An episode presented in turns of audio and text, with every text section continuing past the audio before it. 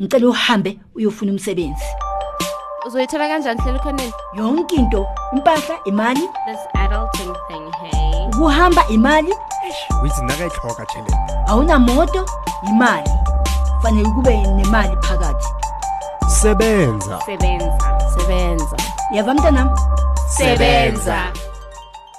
Welcome back to another episode of Behind the Hustle. It's Tango Dwasa once again, and also M is here sniffling, but my girl is here. Well, today we have an interesting guest, also discussing health, but not the kind of health you might be thinking. Um, Phumlani, how are you? I'm good, thanks. And how are you, Tango? I'm great. So, for those who might not know, now these are people probably born under a rock or someone who's not on Twitter as avid as some of us might be. Who is Phumlani? What does he do? And yeah.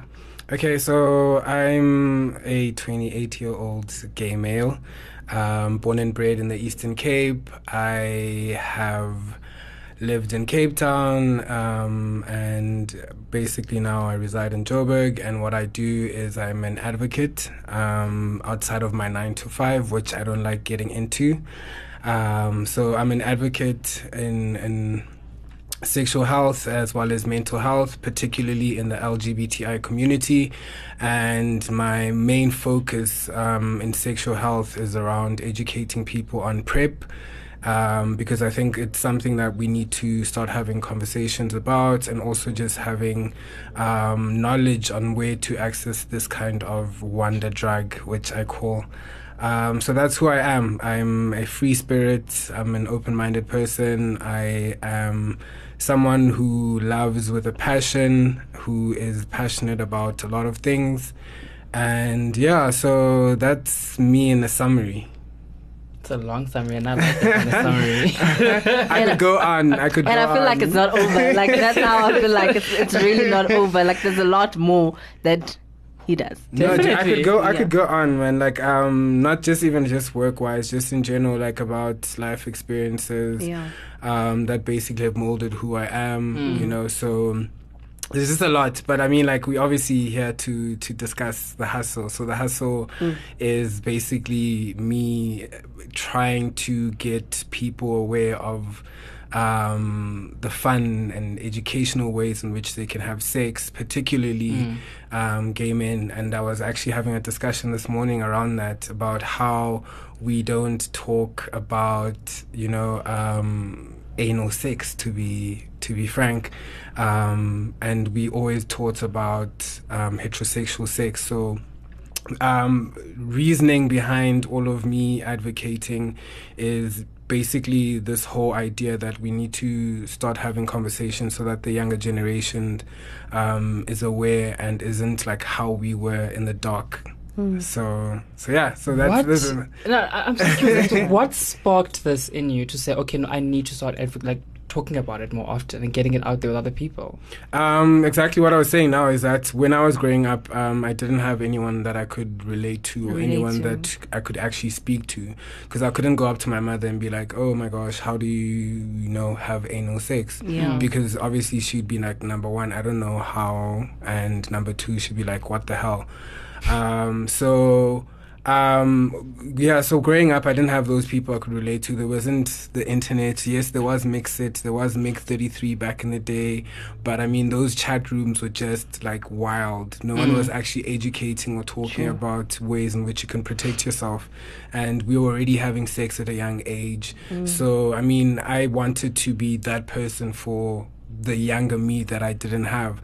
So which is why i ended up having to use the small influence that I have because I figured I was like, okay, people actually do follow me for for things because I was a promoter um, in Cape Town before I actually started like you know what, let me actually start advocating. So I was promoting nightclubs. So I saw that okay, you know, people are actually listening. So people will come to the club. Actually, people would actually. I was about to ask a question. Are they listening in the nightclub? No, no, no, no, no. As in like. As a promoter. As, a, as in like you- they listening as a promoter. Come on. I was like, whoa. no, they're listening as a promoter, so they they were listening to like what what you're saying to them on social media. That you know what, if I'm telling you tonight it's going to be a jump, it will be a jump. So um, so I figured, you know what, like I'm past that life stage. So what's next for me? And um, after varsity, that's when I was like, let me actually start talking about all these issues that we don't talk about in the gay community. Let me educate and also at the same time also learn because I'm also learning a lot um, because I'm getting older. Um, so I'm Yeah, getting like 30 is around the corner.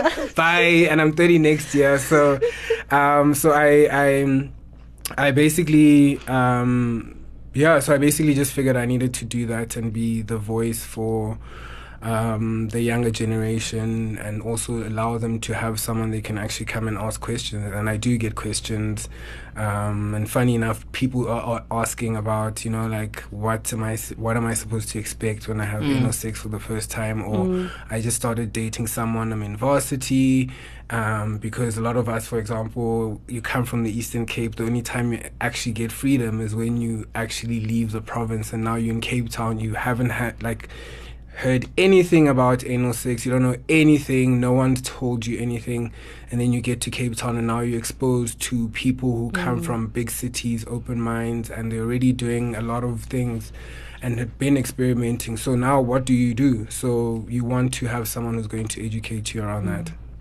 I mean, you know, there's a huge shift in terms of how commun- like uh, information is sort of dispersed nowadays. I mean, for us, it's a little frightening because it's like, oh my gosh, where are we gonna get and end up in, in a way?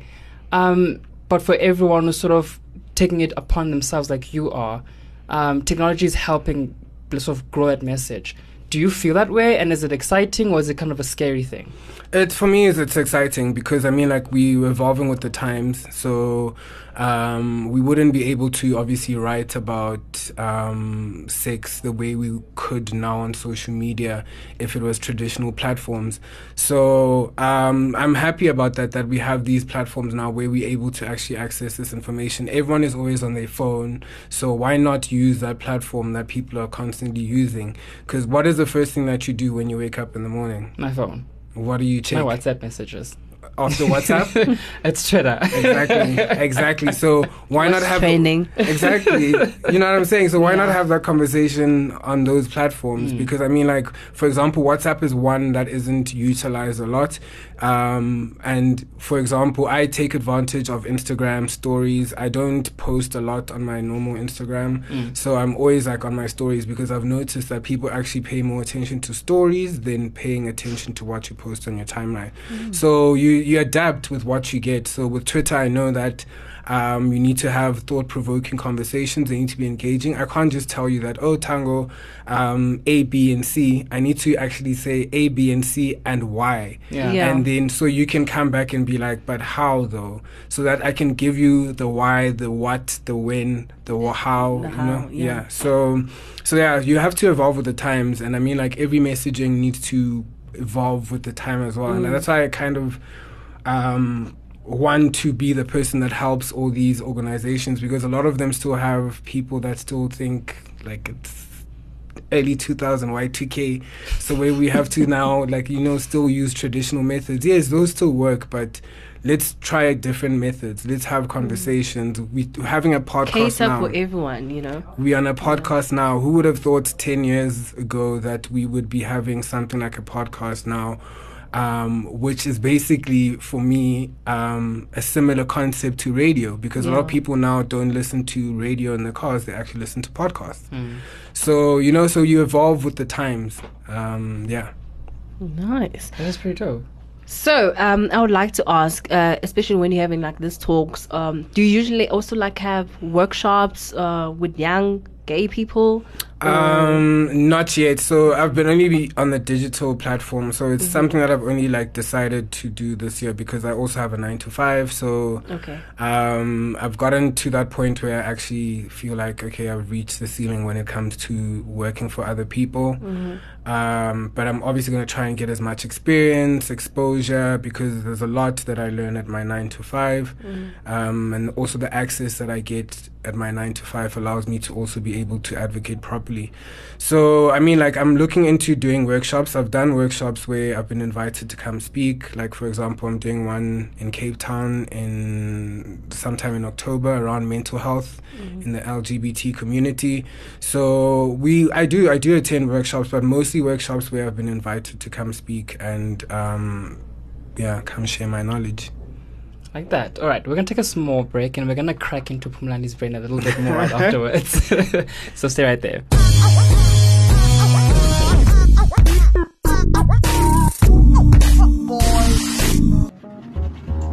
Tune in to Cargumentative every Monday morning on Times Live Motoring. You can join myself, Thomas Faulkner, and my regular gang of automotive misfits as we discuss motoring news, views, and of course have a cargument or two. That's Cargumentative only on Times Live Motoring.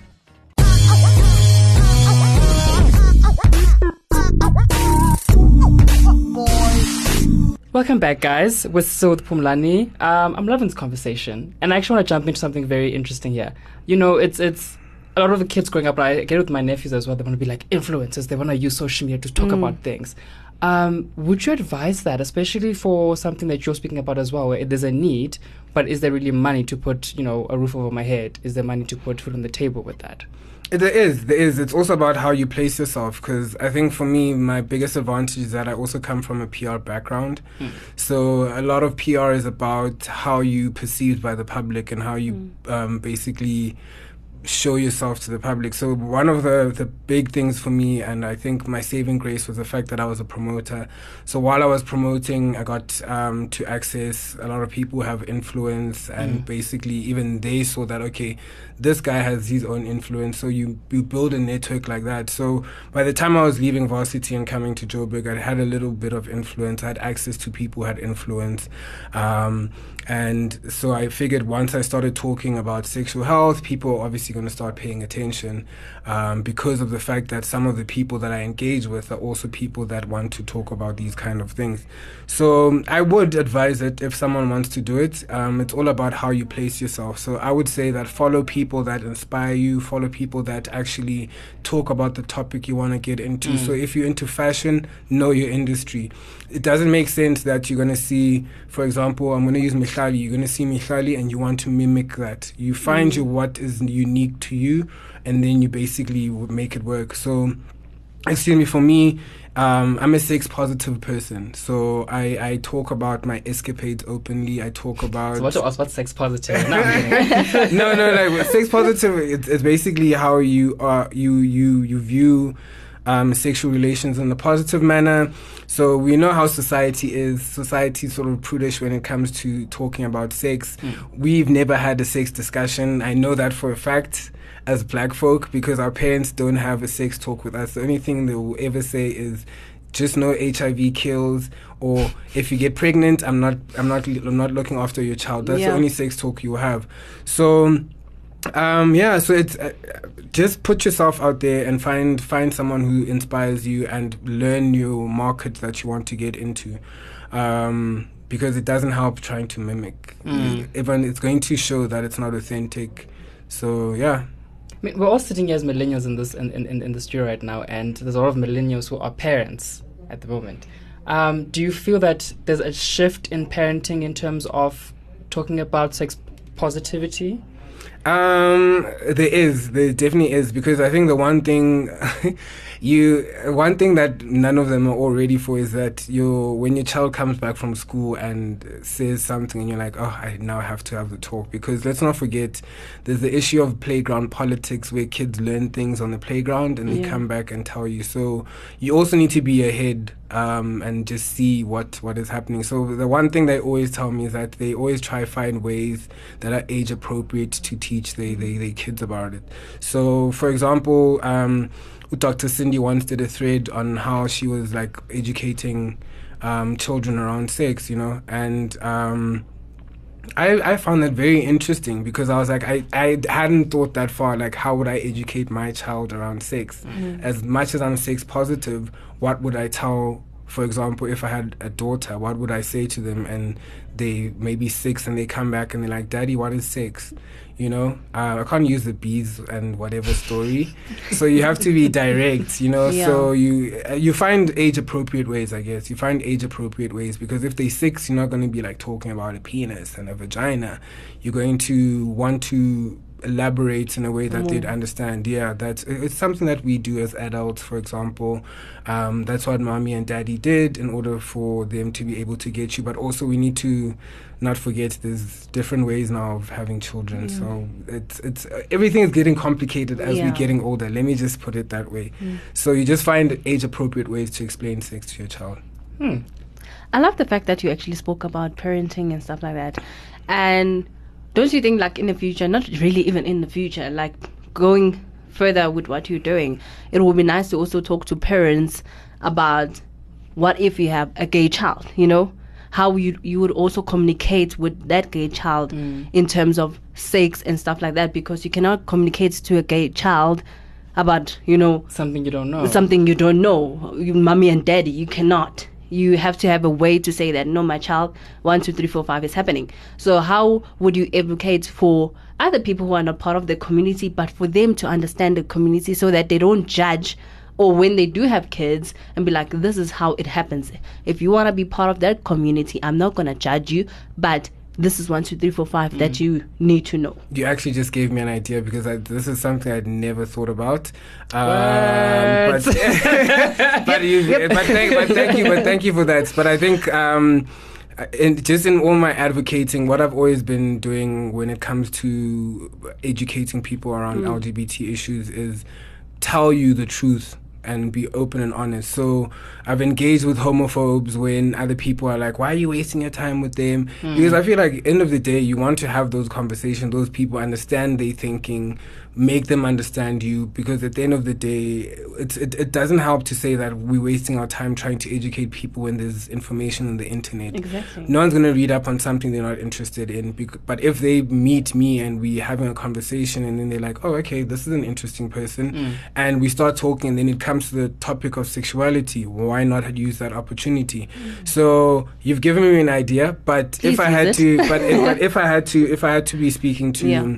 To to parents about that, I think I would actually want them to to firstly understand the I, the idea of identity politics because I think that is the biggest biggest issue in South Africa is that we don't have an understanding of identity um, politics.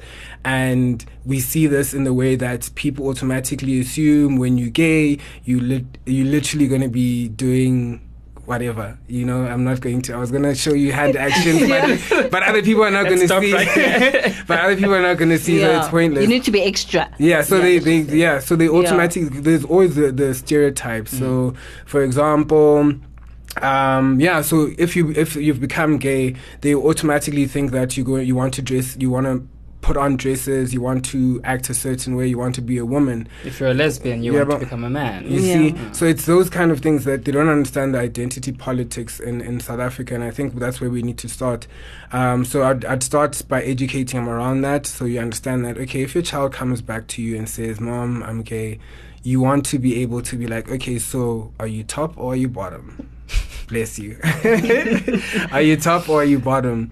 So if you have that kind of understanding, it's it's at least then you'll be able to educate your your child properly. Because if they're bottom, then you know that okay, I need to educate them more on, um, for example, douching. I need to educate them more on lubricants. I need to educate them more on um, condoms. But if they say they're the top, you want to educate them more on on um, on condoms and also even lube use, obviously. But it, it, it at least if you have that understanding around the like the, the politics in the gay community, then you would be able to give good sexual advice. I want to jump back to, to, to, to the work that you do again. Um, in terms of the, the, the growing an influence specifically. I mean, how does one do that, and how do you maintain it? Yeah, dude, it's uh, thing is you, you we've all seen how Twitter is now. I mean, like it's it's a very volatile environment. Anything you say could e- easily trigger something. So what I usually do is, um, like I said, like for me, I, I started. I was lucky that I was in the promoter space and I was able to to build an influence from there because I mean, like the first time I met Bonang was when she was still drinking the brutal fruit thing, and um, it was like early, early Pre-champagne bonang. I mean, that's a rarity. like right there. like you know like back back in the day like when she was still yeah, a brutal fruit ambassador and uh, we, they were had a lot of brutal fruit events in cape town Mm. so for example then I, I met her then and ever since then we've had a good um a good a good standing and a good relationship and you know like so those kind of people that i met during that time have also helped and contributed to to how i've i've basically grown a following on my social media because i mean she's tweeted me and i've noticed that i've, I've outgained some followers. And over the years i'm sure people also saw our engagement.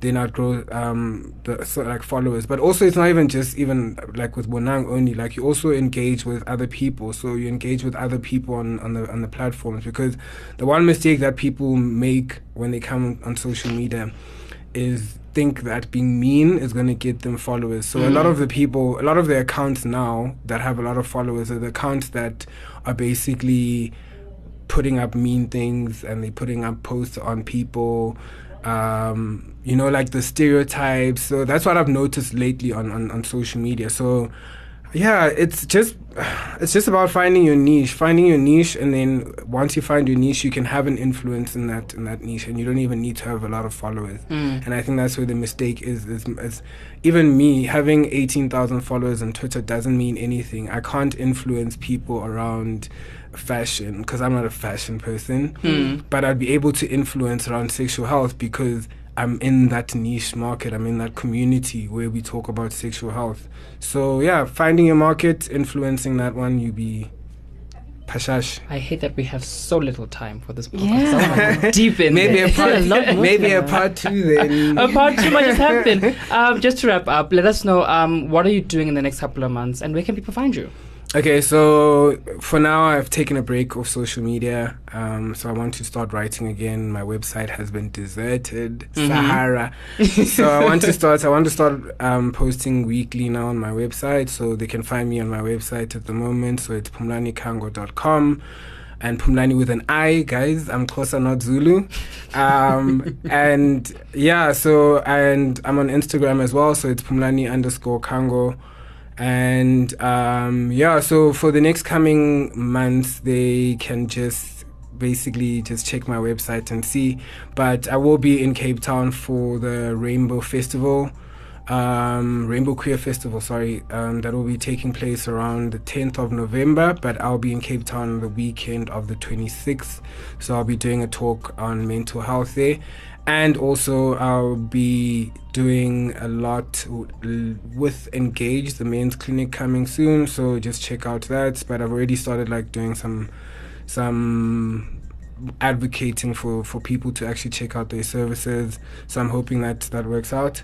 And yeah, um, yeah. So I won't. Yeah, I'll be traveling also. So I won't be doing a lot of advocating. So I'll be traveling because of my nine to five. So yeah, for now, just check out my website and then you'll see, and I'll keep you updated.